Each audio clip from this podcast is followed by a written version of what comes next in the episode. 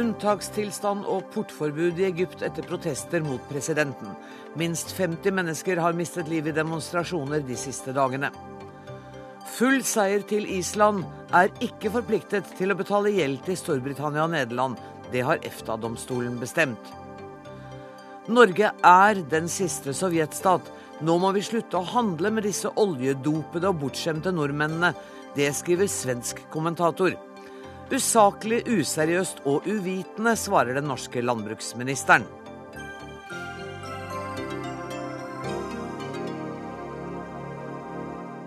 Dette er noen av temaene i Dagsnytt 18 i dag, hvor vi også skal høre at frivillig deltidsarbeidende er usolidariske. Det mener debattredaktør, som bl.a. etterlyser flere sykepleiere i full jobb. Men først. I Egypt er det innført portforbud og unntakstilstand i tre provinser. De siste dagene er minst 50 mennesker drept i omfattende uroligheter, og presidenten truer med ytterligere tiltak hvis demonstrasjonene fortsetter. Bjørn Olav Utvik, du er professor i Midtøsten-studiet ved Universitetet i Oslo. Hva er det som har, vært en utløsende årsak til denne krisen nå?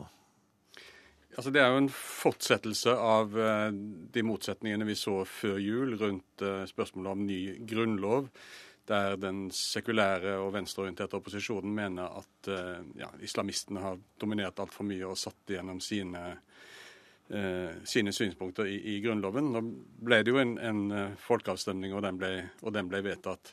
Det som har utløst en ny runde nå, er to ting.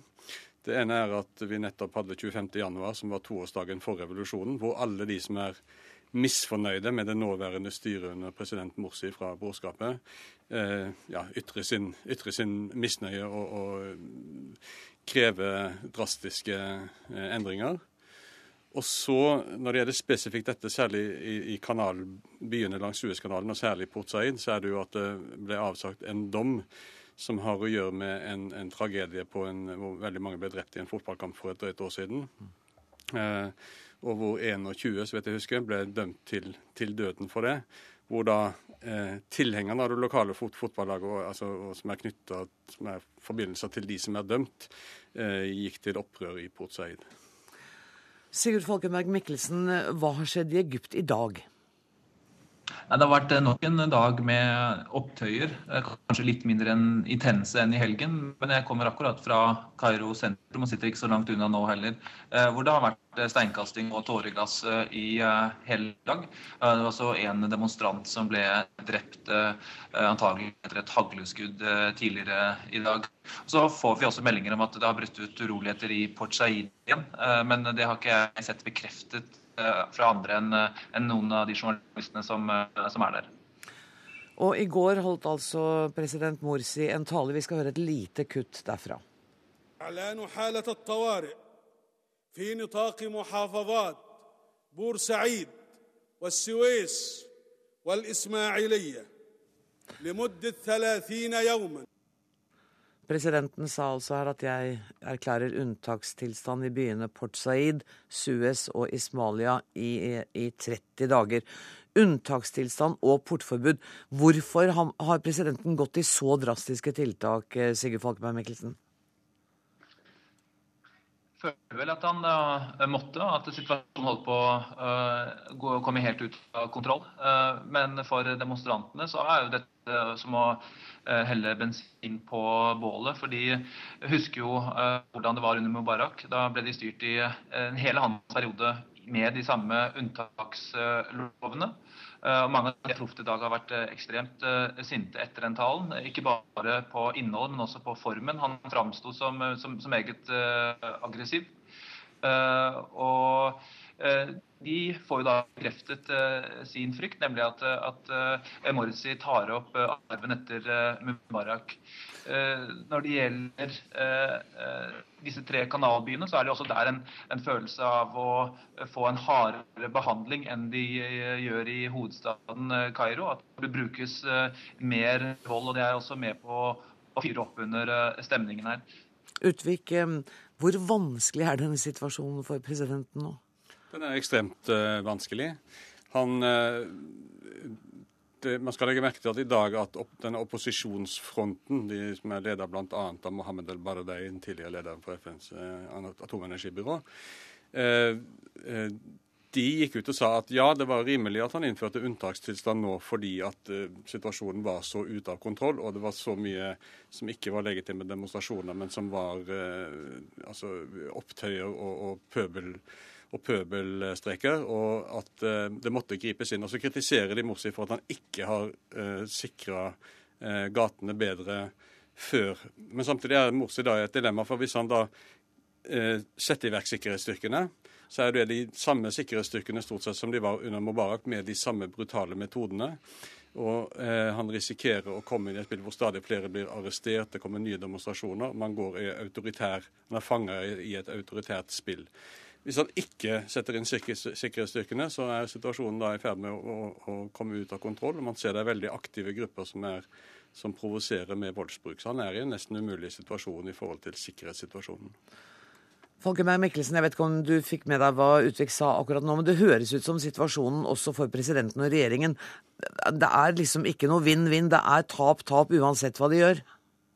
Ja, Det er ikke noe tvil om at, at Morsi er i en presset uh, situasjon nå.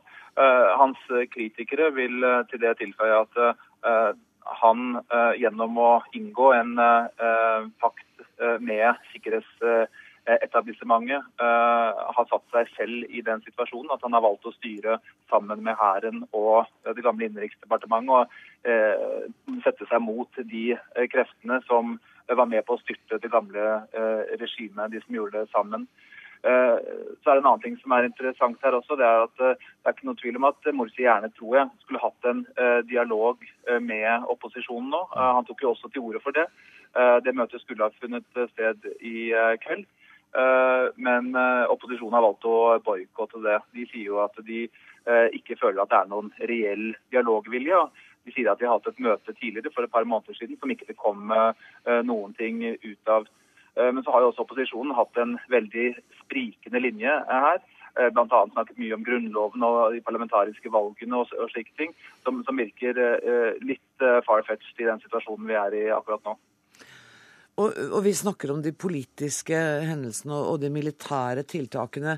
Men seniorrådgiver i Amnesty International, Ina Tin, eh, det har også kommet meldinger om at eh, kvinner er spesielt utsatte i den situasjonen som er nå.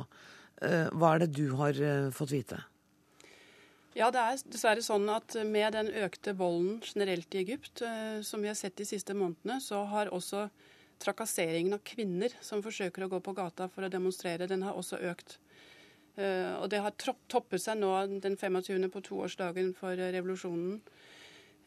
Det har vært en tyvetalls rapporter om kvinner som er blitt seksuelt trakassert. Alt fra å bli omringet av en store flokk menn eh, og blitt dratt av klærne, blitt slått eh, og også voldtekter. Bl.a. en 19 eh, år gammel jente som måtte på sykehuset med, med kutt i underlivet. Um, det er verre nå. Det har vært rapporter om det helt siden for to år siden, men nå ser det ut til å eskalere og komme også det ut av kontroll. Og Det er jo ingen som passer på disse demonstrasjonene. Det er jo ikke noe politi til stede som sørger for ro og orden, og det ser ut som at det er gjenger av menn som tar seg til rette. Og så er det forlydender om at dette her faktisk er iscenesatt eh, av de som vil diskritisere demonstrantene, men også for å skremme kvinner bort fra å bruke sin ytringsfrihet. At det rett og slett også er politisk styrt? Ja. Fagermann Mikkelsen, har du hørt tilsvarende påstander? Uh, ja da. Uh, det er klart at det, det verserer uh, på Tarisplassen. og som vanlig gutt er det veldig vanskelig å, å få et uh, klart uh, svar på hvordan dette henger sammen. Hva er øyeblikkshendelser? Uh, hva er styrt og planlagt på forhånd? Jeg vil kanskje anta at det er en kombinasjon. Mm. Men det er ikke noe tvil om at det er som Ina Tin sier, et problem som er voksende, og at det har vært noen tøffe dager. Men så er det også sånn at mange av, av demonstrantene og de gruppene som er aktive her, også forsøker å organisere seg Eh, bl.a. gjennom eh, eh, selvforsvarsgrupper, folk som er spesielt på vakt for disse tingene, for å beskytte kvinner som drar dit. Men noen ganger så er ikke det nok. Det, er, det har vært helt, helt uhåndterlige menneskemasser på, på Tahrir-plassen som har gjort det, gjort det vanskelig. å det er jo så mange som har klart å slippe, slippe unna. sånn at det, det, er med på å gjøre situasjonen ekstra dyster. Men Utvik, kunne presidenten ha valgt en mindre militant linje nå enn unntakstilstand? Kunne han ha skrevet et nyvalg, trukket seg, kan og har Nå stiller jeg liksom en tre-fire-fem spørsmål i rekke. Har Baradei noen mulighet til å samle det egyptiske folk rundt seg? Altså Vanskeligheten der er jo at hvilken så å si legitimitet, for å bruke et vanskelig ord, er det som skal gjelde da? Hvem er det da som har rett til å styre Egypt? Eh, Morsi er i øyeblikket, han og dette eh, overhuset i parlamentet er for øyeblikket de eneste folkevalgte organene som finnes i Egypt. Hvis disse demonstrasjonene eh, skal få presidenten til å trekke seg, eh, hvilken president setter det for, for framtida? Men det er klart at Morsi helt åpenbart på flere tidspunkt i forløpet her kunne ha valgt en kurs som kunne innbudt til en større dialog med, med opposisjonen. Men der vi står i dag, så er vanskeligheten at eh, at denne opposisjonen den nekter å gå i dialogmøter før den så å si har fått gjennom nesten sine maksimumskrav eh, på forhånd. Og så er den ikke enig med seg selv, for hva er det de vil? Vil de at Morsi skal gå? Vil de ha et nytt presidentvalg? Vil de ha endringer i Grunnloven? Eh, dette at det gjør uklart, er med på også å drive situasjonen litt mer mot kaos. Inatin. Ja, altså til det, Hvis jeg kan få lov å kommentere på det òg. Altså, Morsi har jo ikke gjort alvorlige forsøk på å bryte med fortiden. Han har ikke distansert seg fra sikkerhetsstyrkene og politiets metoder. Folk som har, eller altså Sikkerhetsstyrkene som er ansvarlige for virkelig mange drepte etter at Mubarak falt. Ingen er stilt for retten. Uh, han, han har ikke gjort et seriøst forsøk på å vise at han vil noe annet og noe nytt. Så Derfor mister folk uh, tålmodighet, og de mister tiltroen til at han, han vil gjøre noe. Sigurd Fagerberg Mikkelsen, det er blitt sagt at eh, folk ikke vil respektere portforbudet som inntrer klokka 21. Eh, de vil ikke forholde seg til eh, denne unntakstilstanden. Er det reelle farer for nye voldsomme demonstrasjoner nå de nærmeste dagene? Ja, det tror jeg. Når det gjelder portforbudet, så gjelder jo det da de tre kanalbyene, de som ligger langs ja. Suezkanalen. Eh, Suez, Ismailia og Port Said. Og fra Suez så hører vi at de demonstrantene som er aktive der, sier at de ikke vil eh, respektere portforbudet. Eh, og arrangerer en sit-in i, i, sentrum av byen som, som, som, et svar på det. Spørsmålet er hvilken myndighet staten har til å sette inn. Politiet i Suez er så å si ikke-eksisterende, så de må bruke hæren. Men det er ikke noen tvil om at det vi også ser nå, er at de egyptiske stats strukturene eh, knaker eh, alvorlig. Er hele den arabiske våren feilslått med dette uttrykket?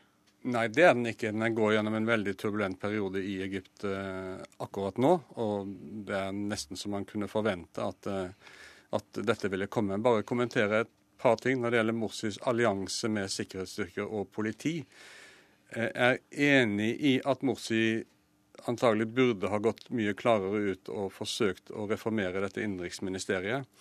Men jeg tror bildet like mye som at han støtter seg på det, er at, er at de ikke stiller opp. At han ikke har grep om de, at det er, Dels er de fraværende, som vi hører i en rekke anledninger.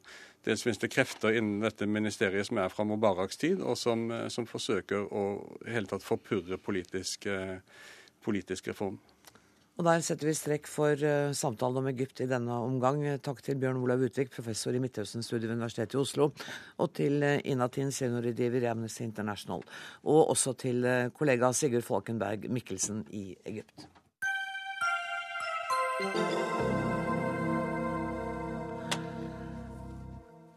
Da skal vi snakke om et tema som kanskje ikke høres så spenstig ut, men det skal altså dreie seg om offentlige anskaffelser. For i Dagsnytt i dag tidlig så kunne vi høre at regjeringen har gjort det mye dyrere å klage på hvem som får levere varer og tjenester til staten og kommunene. I fjor sommer økte gebyret for vanlige klagesaker fra 860 kroner til 8000 kroner, og det har ført til at tallet på klager har stupt.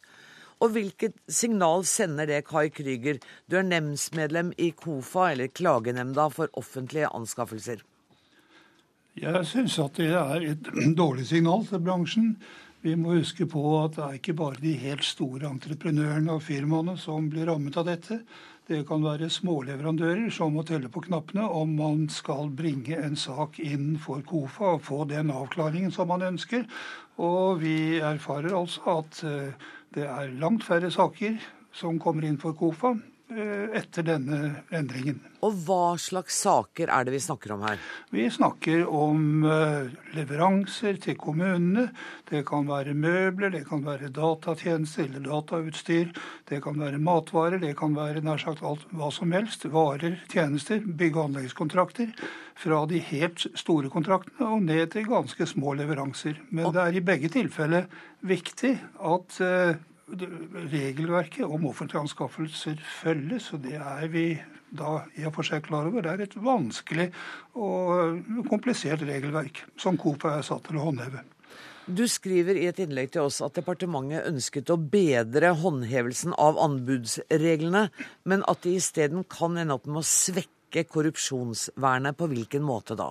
Jo, det ligger jo i sakens natur at hvis man ikke kan få opp en sak for KOFA, slik at den blir kjent for all verden og for media, så vil man simpelthen ikke bli klar over dette. Vi skal jo huske på at de alvorlige korrupsjonssakene de senere år, de er først og fremst uh, tatt hånd om av media, og det er veldig tilfeldig hva man kan snappe opp.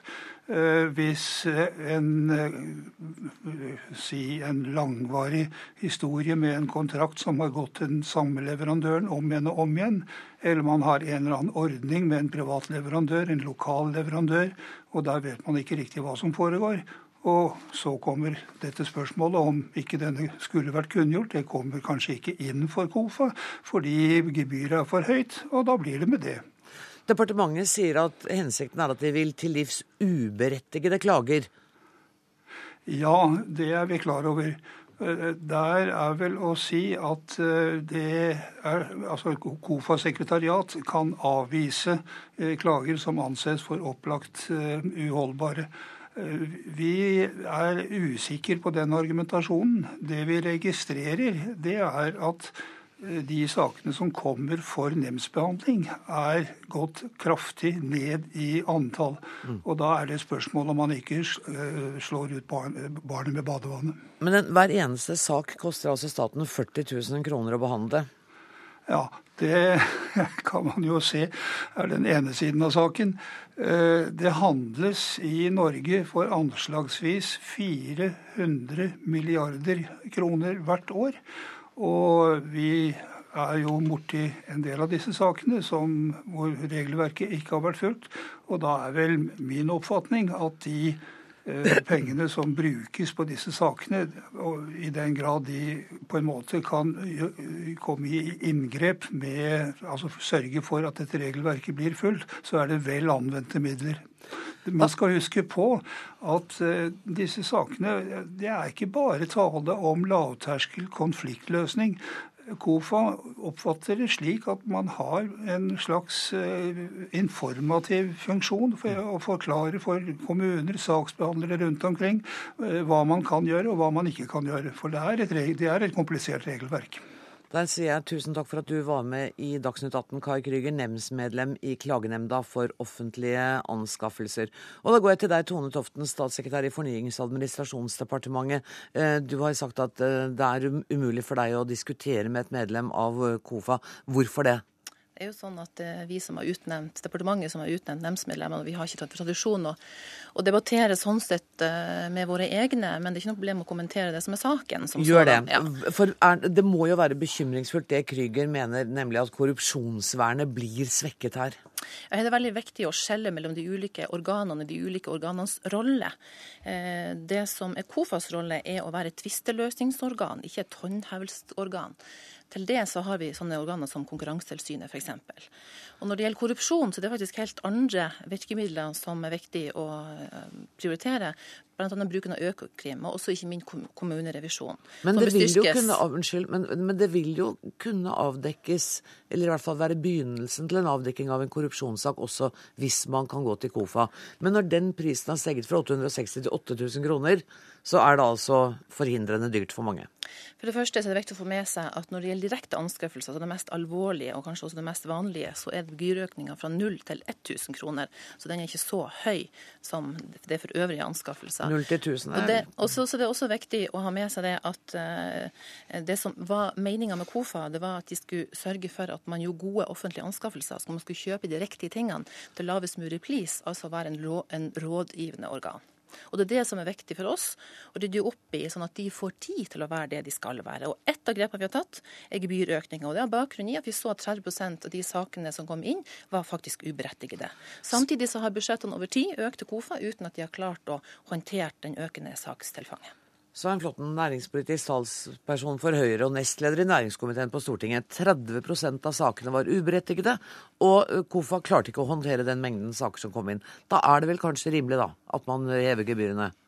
Det synes jeg egentlig ikke. Det betyr at 65% av sakene var berettigede. Og jeg syns det er oppsiktsvekkende at departementet mener at terskelen skal være så høy. For det vi har hørt også av Krüger her, er at synlighet er viktig. Og synligheten kommer ofte Store saker kan man kanskje bare se en liten del av. Det kan være toppen av et isfjell som gjennom KOFA-behandlingen kan komme opp. Så jeg er overrasket over at man mener at eh, det å få vekk uberettigede, som man kaller det, klager, er så viktig. For det betyr nemlig, ifølge tallene, for nå har det sunket med ned til bare 35% av det det var tidligere i. Altså tallet på klager? Tallet på klager. Ja. Og det betyr at veldig mange klager blir borte. Hvor blir de av? Jo, det er nettopp de små mellomstore bedriftene som ikke har juridiske ressurser, som ikke har økonomiske ressurser, de lar være å klage. Og et veldig viktig poeng her er jo at KOFA hadde tidligere bindende virkning i sine sanksjoner. Nå får man, hvis man går dit og tar seg råd til å gå dit, så får man et råd. Det kan man jo spikre opp på veggen som et diplom eller hva man måtte mene, men det kan ikke brukes til noen ting. Og det er jo en vesentlig forskjell, og derfor tror jeg mye av disse sakene blir borte. Det tror jeg er synd, for vi trenger den synligheten som ligger i dette. 400 milliarder kjøper det offentlige inn for hvert år. Vi ser at det dukker opp store korrupsjonssaker som har utgangspunkt i små saker. Derfor er den saken viktig. Men Mener du at regjeringen nå, både ved at man ikke lenger har bindende vedtak eller forpliktende vedtak fra KOFA, og at man øker gebyrene, at, man, at regjeringen er, vil fjerne dette organet, eller vil gjøre det helt uten innflytelse? Nei, det vil være langt unna mine hensikter å si at regjeringen ikke vil det beste. Men Men her tror jeg faktisk at de tar feil. De, de, kan ikke ha satt seg inn i hvordan dette fungerer for næringslivet nede på grasrota. Der ser man på ressursene hver eneste dag, og derfor så kan det være mange saker som ikke kommer opp, dessverre. Og det risikerer dere jo nå, Toften? Nei, Det som er viktig, det er jo å se ting i sammenheng her. Og det er jo ikke bare ett grep som er tatt, det med gebyrøkninga. Vi har også gjort det som Flåten for så vidt er så vidt innom, det med at vi har innført EUs håndhevelsesdirektiv. Og Det gjør at vi har fått strengere sanksjoner som i seg sjøl virker preventivt. Og så har vi også sagt at istedenfor at KOFA skal ha den domslignende funksjonen som de har hatt, og som de egentlig fra utgangspunktet ikke var tenkt til å ha, det skal vi legge til domstolene. I Norge har vi en tradisjon for at vi ikke har særdomstoler. Og det er helt andre behov for prosedyrer og saksbehandling og rettssikkerhet når vi nå har innført regler som også medfører at man kan ilegge bot om med tilbakevir eh, tilbakevirkende kraft. Derfor er, gjør vi også nå andre grep. Vi går igjennom og har hatt på høring forslag om eh, rutiner og prosedyrer i eh, KOFAs eh, arbeidsgang, for å se på om vi ytterligere kan forbedre, sånn at de skal få være det de skal være gode på, nemlig være et rådgivende organ som skal være lett å henvende seg til. Og jeg tror at det også er både i det offentlige og i næringslivets interesse å få saker som de får raskt svar på. Og så igjen det med korrupsjon. Eh, det med å styrke kommuneøkonomien har ikke vært Høyres favoritt, men det er der man må gå inn for å styrke kommunerevisjonen for å komme korrupsjonen til livs. Ja, At dette også skulle dreie seg om kommuneøkonomi er overraskende. Men nå hører vi jo nettopp dette, at terskelen blir enda høyere. Fordi at man skal måtte gå til sak, man skal gå, måtte gå til domstolene, og da blir det selvfølgelig enda mye dyrere. Og der er ett viktig poeng. KOFA har behandlet saker etter konkurranse og innkjøpsregelverket i mange, mange år. De har hatt en fast nemnd, en fast stab, enhetlig behandling. Nå skal dette spres ut på domstolene over hele Norges land, som en ikke kan regne med har spesialkompetanse på dette. Og du kan få forskjellige avgjørelser, du får ankesaker. I det hele tatt ganske vanskelig for særlig småbedrifter å orientere seg. Bedre å la det være. Statssekretær Toften, er det noe i denne argumentasjonen som gjør at dere vil se på dette på nytt? Man kan selvsagt diskutere om gebyret er lagt på et presist nivå. Vi har jo hatt en høringsrunde i forkant av det også. Men det vi ser, det er jo det at eh, saksgangen har gått ned, noe som var en ønska effekt for at ROFA skulle få tid til å være det de skal være, et rådgivende organ. Så ser vi også at vi har lagt oss på nivået, helt på høyde med de øvrige nordiske land. Faktisk sånn at Danmark har 10 000 som sin grense, og i disse dager så vurderer de å gå opp til 24 000. Så det sier oss jo også at vi er liksom ikke helt ute av kurs i forhold hvor dette ligger henne. Og det er nok grunn til å se på oss når man ser at gebyret var så lavt at det kanskje var for lavt i sin tid. Men det er bare ett av flere grep som tas for at KOFA skal bli et bedre organ. Og hvorvidt det blir det, diskuteres fortsatt. Tusen takk for at dere kom, Tone Toften, statssekretær i Fornyings- og administrasjonsdepartementet, og Svein Flåtten fra Høyre.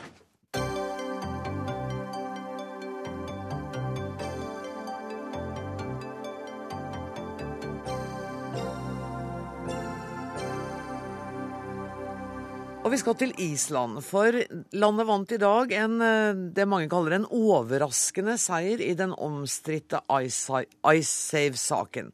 EFTA-domstolen ga Island medhold i at deres skattebetalere ikke må punge ut med de 30 milliarder kroner som britiske og nederlandske mm, bankkunder har tapt etter at den private banken IceSave gikk konkurs.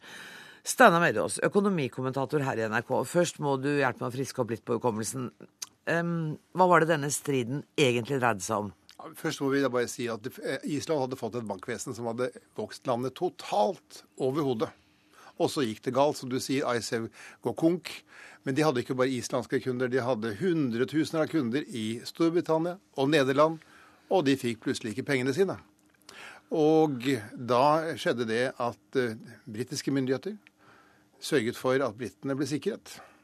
Nederlandske myndigheter gjorde det samme, men så snudde de seg mot Island og sa vi skal ha pengene av dere, og det skal vi ha nå. Men altså, var det ikke sånn at når man investerte i denne banken iSave, så ga de garantier til dem som satte pengene sine der? Jo, det er riktig. Og, og dette garantifondet det, det, er jo på en måte en av spillereglene i, innenfor dette såkalte EØS-området, som Norge er en del av, og som er jo en assosiasjon til hele EU-systemet. Og det, det, var det regelverket som gjaldt i, i, i bunn. Men i dag sa altså EFTA-domstolen at situasjonen var så spesiell at regelverket kunne ikke gjelde lenger. Og det var begrunnelsen? Ja, de sier at finanskrisen var så enorm.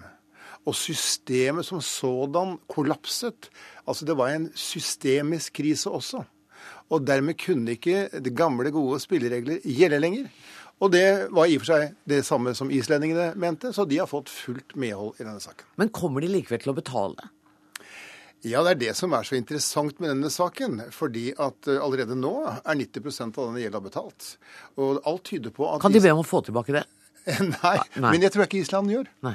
Fordi Island eh, Island hadde jo, altså, var en bitte liten stat som fikk et enormt problem i fanget. Og de sa klart fra gjennom to folkeavstemninger dette må vi gjøre på vår egen måte. Og de er det eneste landet i Europa som har vært så ille ute, som har greid å ta vare på både demokratiet sitt, økonomien sin, og som tilsynelatende kommer til å gjøre opp regningen. Og det er enestående i seg selv. Går det bedre på Island nå? Det går veldig mye bedre hvis du skulle sammenligne det med f.eks. Hellas. Hvor økonomien har totalt kollapset og er jo 25% under det den var før det smalt eh, 2008, så er den islandske økonomien i frisk vekst. Men det viser også hvor viktig det har vært for Island å ha sin egen valuta, ha et sterkt, velfungerende demokrati, kan man si, når folk går i gatene og virkelig er rasende på at man, noen forsøker å dytte hele finansregningen for galskapen over på skattebetalerne. Eva Jolie, du er med oss på telefon. Du var spesialrådgiver på Island under finanskrisen. Eh, ja. Var du òg Og jeg rådet dem til å ikke betale. Og det skrev jeg eh, i verdenspressen den 1.8.2009. Bl.a. i Aftenposten, i Le Monde, i The Guardian, Morgenbladet på Island. Og jeg forklarte hvorfor de, ingen hadde krav på at den islandske staten skulle betale. Og her er det uendelig mange misforståelser. I bunnen så har vi et europeisk direktiv fra 1994 som sier at alle medlemsland er forpliktet til å lage et garantifond. som skal garantere opptil 20 000 euro for hver innskuddskonto. Og det hadde Island gjort. Men i 2008 så hadde det fondet noen hundre millioner når de trengte tre milliarder. Så dette uh, garantifondet var gans ganske enkelt konkurs. Mm. Og det å gjøre om dette til en statsgjeld, det som var et privat fondsgjeld, det står det ingenting. Og det var ganske enkelt å lese direktivet for å skjønne det. Men dette var et politisk problem.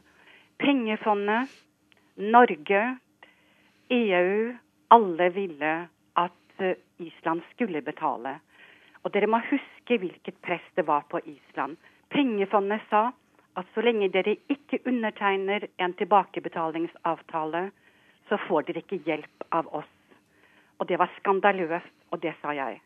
Og det gjorde de fordi et viktig medlem av pengefondet er England og Nederland. Og det jeg gråt over, var at Norge støttet pengefondet, enda den juridiske grunnen var helt feil. Mm. Men ingen hørte den gangen den juridiske analysen. Sparerne i England og Nederland hadde et krav på, uh, på garantifondet. Og nå viser det seg jo at Landsbankis aktiva, som ble uregelmessig blokkert den gangen, uh, er nok til å betale uh, kreditorene. Og dette er ganske vanlig konkursrett. ikke sant? Slik at for meg er det ingen overraskelse at EFTA-domstolen uh, har besluttet som de gjorde. Det er en ganske enkel juss. Men alt dette er blitt borte. Det har kokt bort i kålen, i den politiske kålen. Fordi selvfølgelig, det man var redde for, var jo at skattebetalere i England eller i USA skulle mm. skjønne at det er ingen universell regel for at skattebetalere skal dekke private bankers tap. Men sånn ble det jo ikke. ikke sant? I England så har de også skrudd ned på budsjettet på offentlige utgifter og dekket bankene 100% i USA også. Og de skandaløse lønningene i banksektoren, de skandaløse bonusene, de er opprettholdt. Ingenting har forandret seg. Og den enkle regelen om at private bankers gale utlåning eller private kunders høyrentesøknad er risikobelagt, og at den risikoen skal du selv ta. En slik enkel regel er ikke blitt anvendt. Og i dag så står vi overfor Kypros uh, fagittnes. ikke sant? Mm. Kypros er medlem av EU. De krever nå, de sier vi trenger 10 milliarder av dere skattebetalere for at våre banker ikke skal gå konkurs. Og når man vet hva kypriske banker er, altså hvordan de har hvitvasket kriminelle russiske penger i årevis, så skal man altså bruke tyske, franske, engelske, italienske, greske skattebetaleres penger for å, at de kundene der ikke skal lide tap. Eva Jolie. Da kan man se galskapen i alt dette. Eva Jolie, tusen takk for at du var med oss og orienterte oss i Dagsnytt 18. Eh, eh, Steinar Medias, Eva Jolie sier jo her, hun sier to ting. Ingenting har skjedd med de vanvittige bonusene, med de voldsomme bankveldene. Og så sier hun samtidig at det hun gråt over, var at Norge ikke sto klarere opp for Island. Ja, Dette er ikke noen ærefull historie for, for, Norge, det vil jeg si. Fordi at vi stilte oss bak det enorme presset som ble lagt på Island. Vi må huske på her at brukte man terrorloven mot vår nabo, og på å si eh, våre venner og slektninger. Engelskmenn gjorde det. Engelskmenn gjorde det. Og vi stilte oss bak dette enorme presset. Vi stilte oss ikke på deres side. Og i dag er det helt åpenbart at EFTA-domstolen sier Eva Jolies analyse var helt korrekt. Og Hun sier og det er ikke engang komplisert juss? Nei, nå er jo hun litt mer enn vanlig skolert ute i det faget. Eh, men jeg tror henne. Dette var helt sikkert overkommelig juss også for nordmenn å forstå her hjemme. Men de sto på maktens side, og det var ikke spesielt elegant. Det var ikke spesielt elegant for Island å komme inn i krisen, men de kom seg ut av den på en elegant måte, til tross for også press fra Norge og Storbritannia og Nederland. Nå sier jo EFTA-domstolen at denne saken og situasjonen var så spesiell. Men allikevel, ser du at den dommen kan få konsekvenser for andre land som jeg håper å si kommer i ulykka? Altså jeg, jeg synes du, Vi ser jo her Islands vei ut av krisen, vil nok mange reflektere over. Fordi de hadde sin egen valuta, de hadde en sterk stat og de hadde et tydelig demokrati. Og folk sa det kommer ikke på tale, vi betaler ikke gjeld for noe som har vært helt uansvarlig. Ta på deg hodetelefonen igjen, for vi skal ha med oss eh, Hallgrimur Helgason, som er islandsk forfatter og tidligere nominert til Nordisk råds litteraturpris. Um, hello, Hallgrimur. How are you? I'm fine. How are you? I'm good, thank you. Um, we, we were talking about um, the respect that uh, my guests tonight show to Iceland and the way you have treated the crisis. How do you feel today after the verdict? We feel, of course, very, very good. It's uh, maybe the first good news about Iceland in in four years' time. So, so we are very happy now. Can you describe to me in what way this case has affected you people? Well, it was a, a crucial case uh, in the aftermath of the crisis. For the first time, uh, our small nation felt guilty. We had robbed uh, people of their money, foreign people, honest people who put money into our bank, and we took the money and ran away. And of course, it was very difficult for us. We have never been the guilty ones before. And so automatically, for example, myself, I, I was inclined to, to negotiate and try to pay the money back. Mm. It was not until uh, Eva Jolie, like she, she told you in the interview just just now, that when she wrote this article in, in our papers uh, and explaining that we did not have to pay, that uh, it was not fair for the regular people to, to pay the debts of, of some uh, greedy bankers. So, so that for the first time we, we started to think, and uh, maybe we don't have to pay. We, we, we, we should go to the courts and let them decide. And uh, that was a that was a because uh, the, the debate in Iceland was very very hot at the time, and uh, basically the guys who were who did not want to pay were the ones who were guilty ones. Mm. Uh, they were the ones who were the bankers who who politically uh, supported the bankers and and they were the money people and they did not want to pay. But for the leftists, uh, those people who don't normally have much money, they wanted to pay. So it was a very curious situation. Mm. But in the end, uh, the government tried to negotiate with, with the Brits and, and, uh, and, the Dutch. And in the end, uh, the, the nation said, no, we don't want to negotiate and we want to go to the court. And today you won. Um, I, I, expect you can see some optimism in uh, Iceland today. Yes, I think so. I mean, uh, it's a. I think it's a very important moment in in the, in the sort of post-crisis history of Iceland that uh, now maybe we can move a little bit upwards and, and forward and, and uh, leave the crisis a little bit behind. Mm. It's not totally over, but uh, this moment will surely help us. Thank you for being with us, Hallgrimur Helgason. Takk også til Eva Jolie og til Steinar Medios.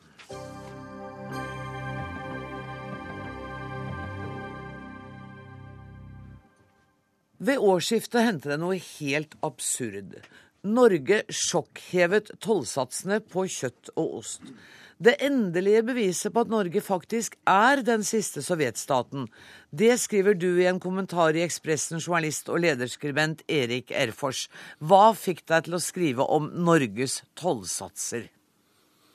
Eh, jo, jeg leste om det der i høst, og sen så glemte jeg bort det. Og så kom jeg på det for noen, dager siden. og... Eh, tänkte jag men det her er jo fullstendig absurd. Og det har jo vært ganske tyst om det her i, i, i nationell media i Sverige.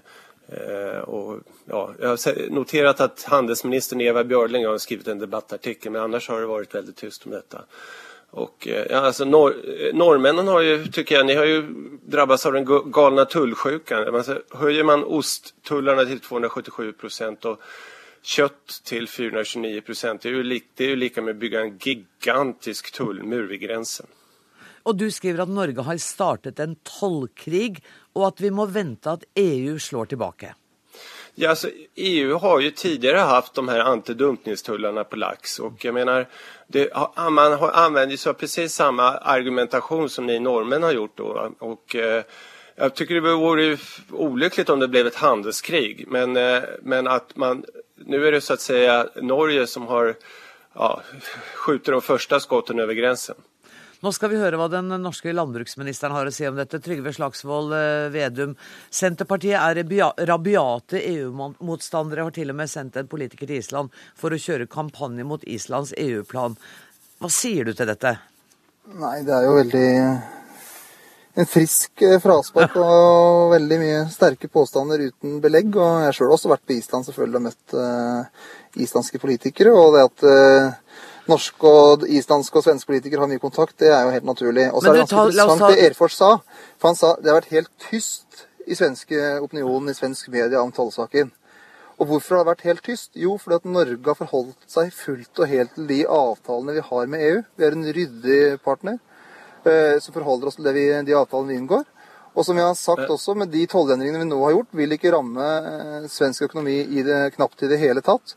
Fordi vi har forholdt oss til det avtaleverket vi har. Norge er en av EUs eh, e absolutt mest pålitelige handelspartnere, og det er vi også i denne sammenhengen her. Erfors. Ja, altså, men vadå uten belegg? Faktum er at dere høyer de her tollsatsene ensidig. Og at dere også har skrevet på eh, en eh, viljeinriktning med EU att ni skal arbeide for at eh, gjøre jord, eh, handelen på jordbruksprodukter skal bli mer, ja, mer frihandel der. Og så gjør dere presis tvert om. Ja, vi forholder oss til de avtalene vi har. og Med EU så har vi kvoter, bl.a. en ostekvote på 7200 tonn. Og vi har da artikkel 19-forhandlingene som Erfors her eh, viser til. Og der har vi jo muligheten til å velge mellom kronetoll og prosenttoll. Eh, og nå velger vi prosenttoll, for vi er opptatt av å klare å ha et landbruk i hele Norge. Eh, fra Finnmark i nord til Agder i sør. Så det, vi bruker den handlefriheten som vi har, eh, og vi, som vi har internasjonale avtaler på. Det er, noe, det er heller ikke noe særnorsk når han kaller Norge en sovjetstat. Så faller det på sin egen urimelighet. EU fører en aktiv tollpolitikk. Canada f.eks. De bestemmer krone- og prosenttoll på hvert eneste lass som kommer inn til landet. Slagsvold Vedum ikke ta alle argumenter. Så, så hvis Erfors mener alvor, så er jo da både EU, USA, Canada, Norge, Sverige sovjetstater. Så det blir jo store ord uten, innhold. Nå er det Erfors. Vänta nu. Du, du, du kanskje skulle kunne opplyse dine lyssnare om norska folket och om att ni vinner ju faktiskt världsmästerskapen i jordbrukssubventioner. Jag har tagit del av OECD-statistiken. Norge ligger på 60 procent Alltså en norsk bonde får 60 procent av sin inkomst från staten. En genomsnittlig bonde i Norge, får, eller i EU, får 23 procent. 60 procent Norge, 23 procent EU. Och det är det som jag tycker att det finns några korn av sanning när man pratar om den sista Sovjetstaten. Alltså, nor norska jord jordbruket är ju, är ju offentlig försörjt. Det er det jo, Slagsvold Vedum. 60% av norske bønders inntekt er fra staten. Det er ingen tvil om skal vi eh, ha, nå målet om å ha landbruk f.eks. i Finnmark, så, så, kreves det politiske virkemidler. Eh, og Derfor så bruker vi 14 milliarder kroner over statsbudsjettet på landbruk. Og det er fordi vi vil ha 50 000 mennesker som jobber med å produsere mat i det eh, kalde, lange landet langt mot nord. Og det er et politisk valg i Norge. Så man også gjør politiske valg i andre land for å beskytte sitt landbruk. Jeg hadde møte med den namibiske handelsministeren nå i i, i, høst. Og han sa jo det at han var svært glad for at Norge ikke var EU-medlemmer, for Norge alene importerer jo mer uh, kjøtt for mer verdi fra Namibia enn det hele EU gjør. Så det er ikke noe særnorsk at man tar hensyn til egen matproduksjon det. til eget land. Og klart at det er den norske regjeringa sin oppgave det er å ivareta norske interesser, og samtidig være ryddig og ordentlig i forhold til de handelsavtalene vi har, og det er vi i forhold til EU. Men vi prater jo ikke om Namibia nå, men vi prater om Norge og Norges forhold til EU. Nu är det så att vi noterade här i Sverige att ni hade lite smörbrist inför julen för ett år sedan. Och vad berodde denne denna smörbrist på då? Jo, det är för att ni hade gigantiska smörtullar. Och eh, jag menar, nu kan vi kanske förvänta oss att ni får ostbrist också och att ni tvingas sänka de här osttullarna precis som ni tvingades sänka smörtullarna.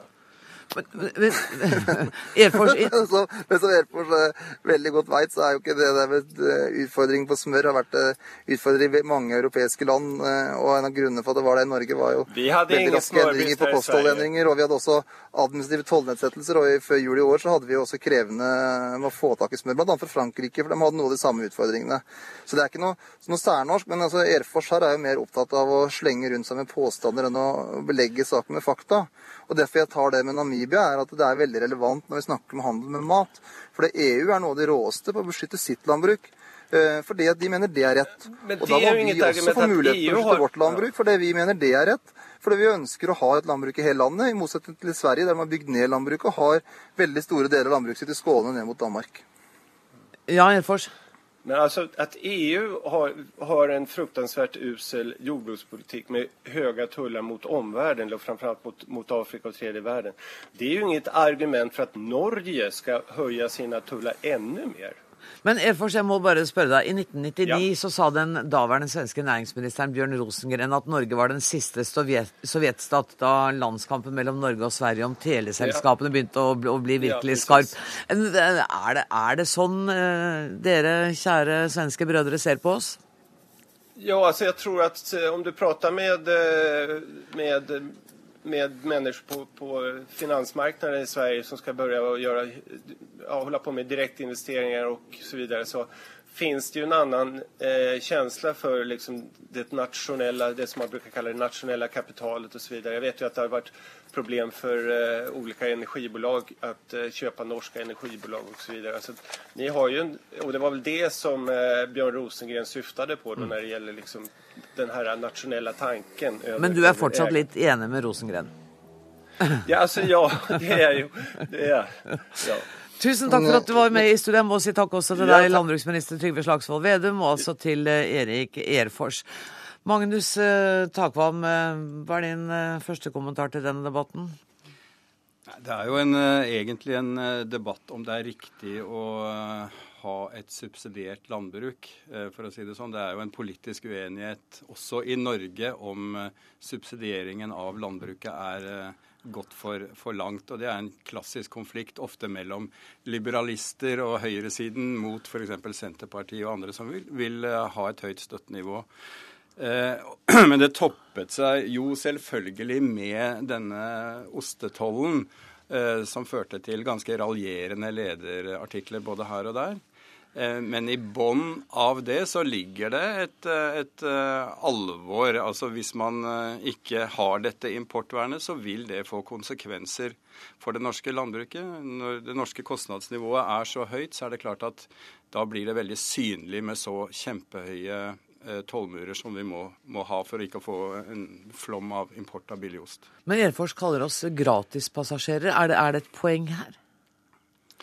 Det vet jeg ikke. Altså, jeg tror at det er jo eh, naturlig at EU, som, som på en måte har en krise økonomisk som virkelig er alvorlig på, på, på alle nivåer, og arbeidsledighet og eurokrise osv., ser på Norge med våre oljeinntekter med et eh, visst blikk. ikke sant? Og da, da, da kan man lett eh, forstå at man, man bruker den slags eh, argumenter når vi også da på toppen subsidierer eh, vårt landbruk på den måten. Men alternativet ville da vært eh, la oss si, å flytte en del av de arbeidsplassene innen næringsmiddelindustrien som foredler den eh, eh, melka som vi bruker til ost, til, til EU. Sånn det er en kamp om hvor arbeidsplasser og produksjon av landbruk skal ligge. Og, og eh, Nå hørte vi landbruksministeren si at vi holder oss jo helt innenfor EUs regler på dette. Så, så når eh, Erfors sier at eh, EU og Sverige og alle burde slutte å handle med oss, så er ikke det, vi er ikke utsatt for noe den type press fra EU. EU. Altså, Verdens handelsorganisasjon gir landene lov til å ha såkalt kronetoll eller prosenttoll. Og i forhold til EØS så har Norge en avtale som eh, bl.a. består av at vi har tollfrie kvoter som, vi må, som er import av ost osv. Så, videre. så formelt sett har vi vårt på det tørre. Mm. Så får vi heller leve med at de kaller oss den siste sovjetstat, da. Ja, det, jeg tror landbruksministeren lever godt med det. Og han liker å, å, å ha en klar motstander, for eh, da får han jo fram at eh, Senterpartiet kjemper for, for den norske bonden. Så, så han er ikke noe misfornøyd med det, tror jeg. Tusen takk skal du ha, eh, Magnus Takam, politisk kommentator her i NRK.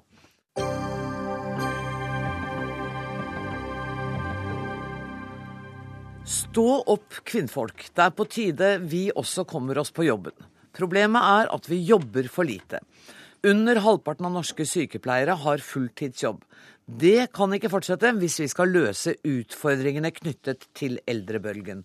Og Hvis norsk likestilling skal fortsette å være gullstandarden i verden, trenger vi friske sykepleiere i full jobb.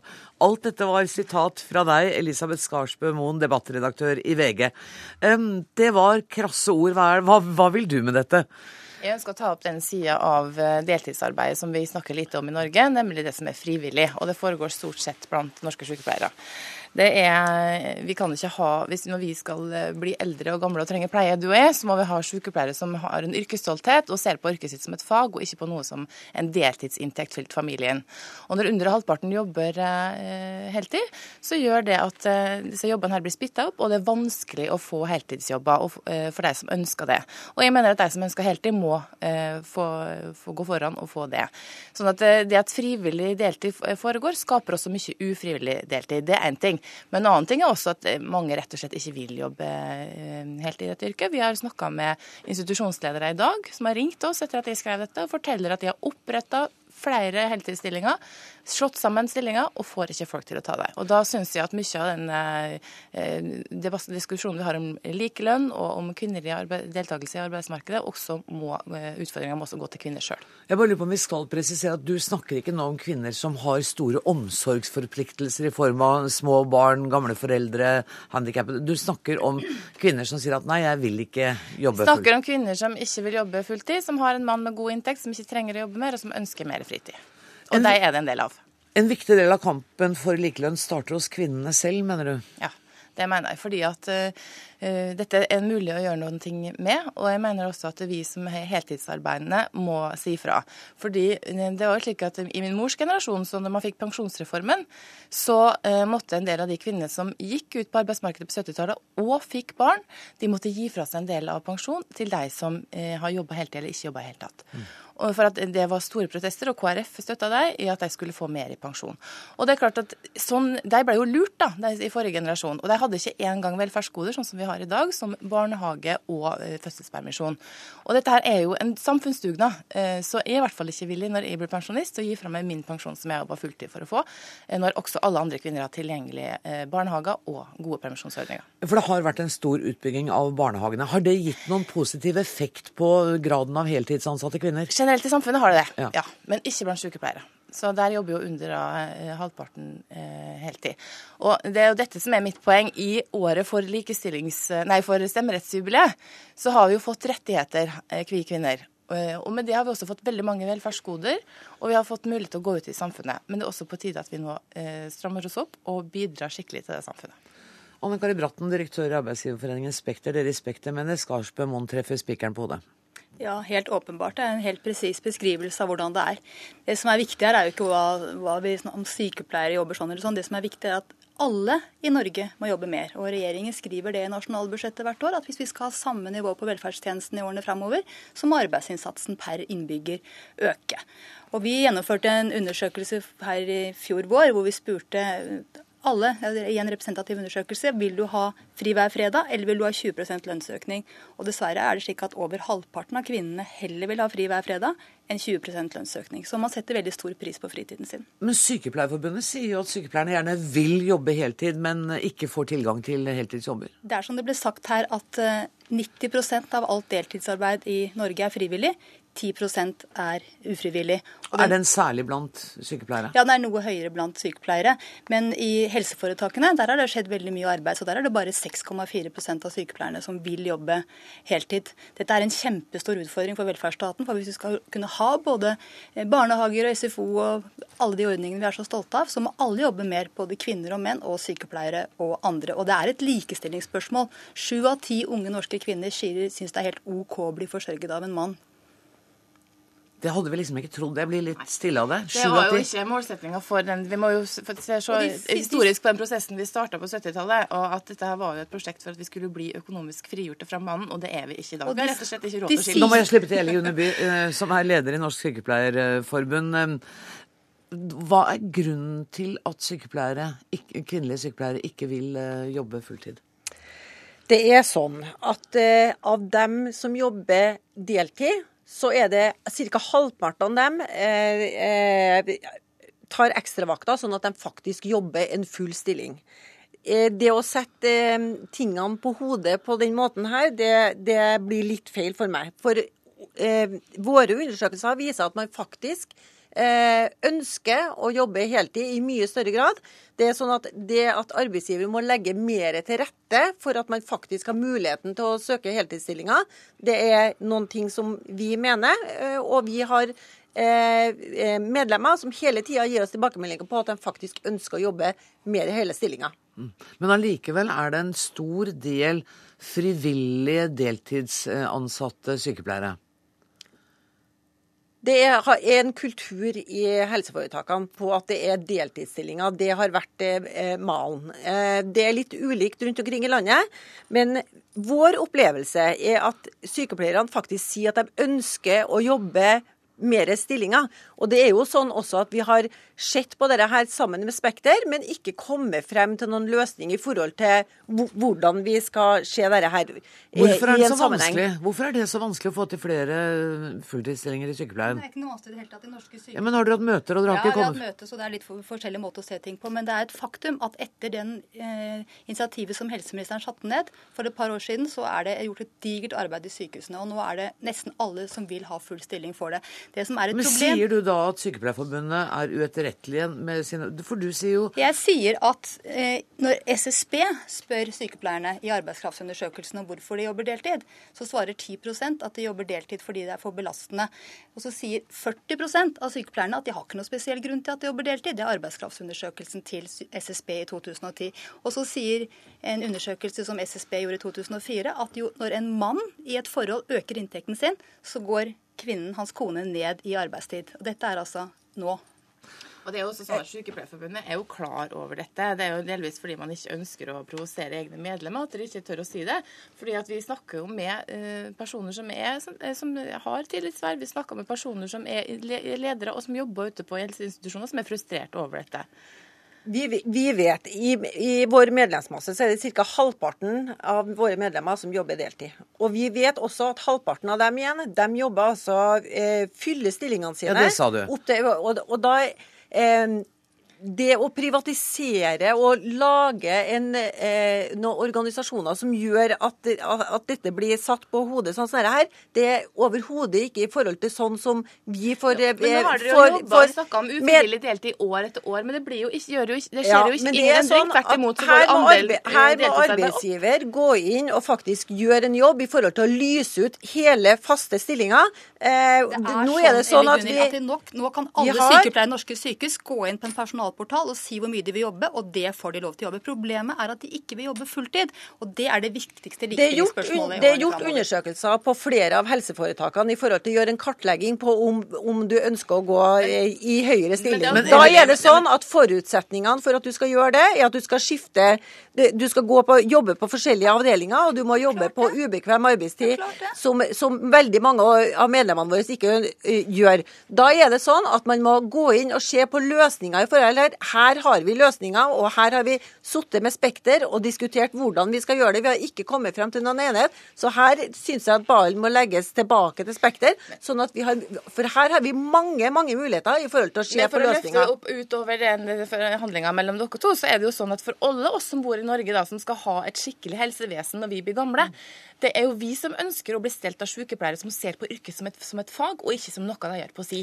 Og det er der dere må reise stoltheten deres, og være, ha, få respekt for, uh, i samfunnet for yrket deres også. Det har også en sammenheng med det, og det smitter også delvis over på andre kvinner i arbeidslivet som blir sett på som beste arbeidsstyrke. Jeg kjenner meg overhodet ikke igjen i forhold til det der med yrkesstolthet. Eh, de medlemmene som jeg treffer, har en utrolig stor yrkesstolthet i forhold til det faglige. Og vi vet også at der det blir tatt fatt i det faglige ute på de ulike sykehusene, der får man søkere, der rekrutterer man, og der får man gode kompetansemuligheter i forhold til at man også eh, videreutdanner seg. Så jeg skulle ønske vi hadde en, en eh, time til og kanskje et glass vin òg. Jeg sier tusen takk til Elisabeth Skarsbø Moen, til Anne Kari Bratten og til eh, Eli Gunhild By. Dermed er Dagsnytt 18 for i dag slutt. Ansvarlig for sendinga var Siri Storstein Hytten. Det tekniske ansvaret har Odd Evenrud. Jeg heter Anne Grosvold. Takk for nå.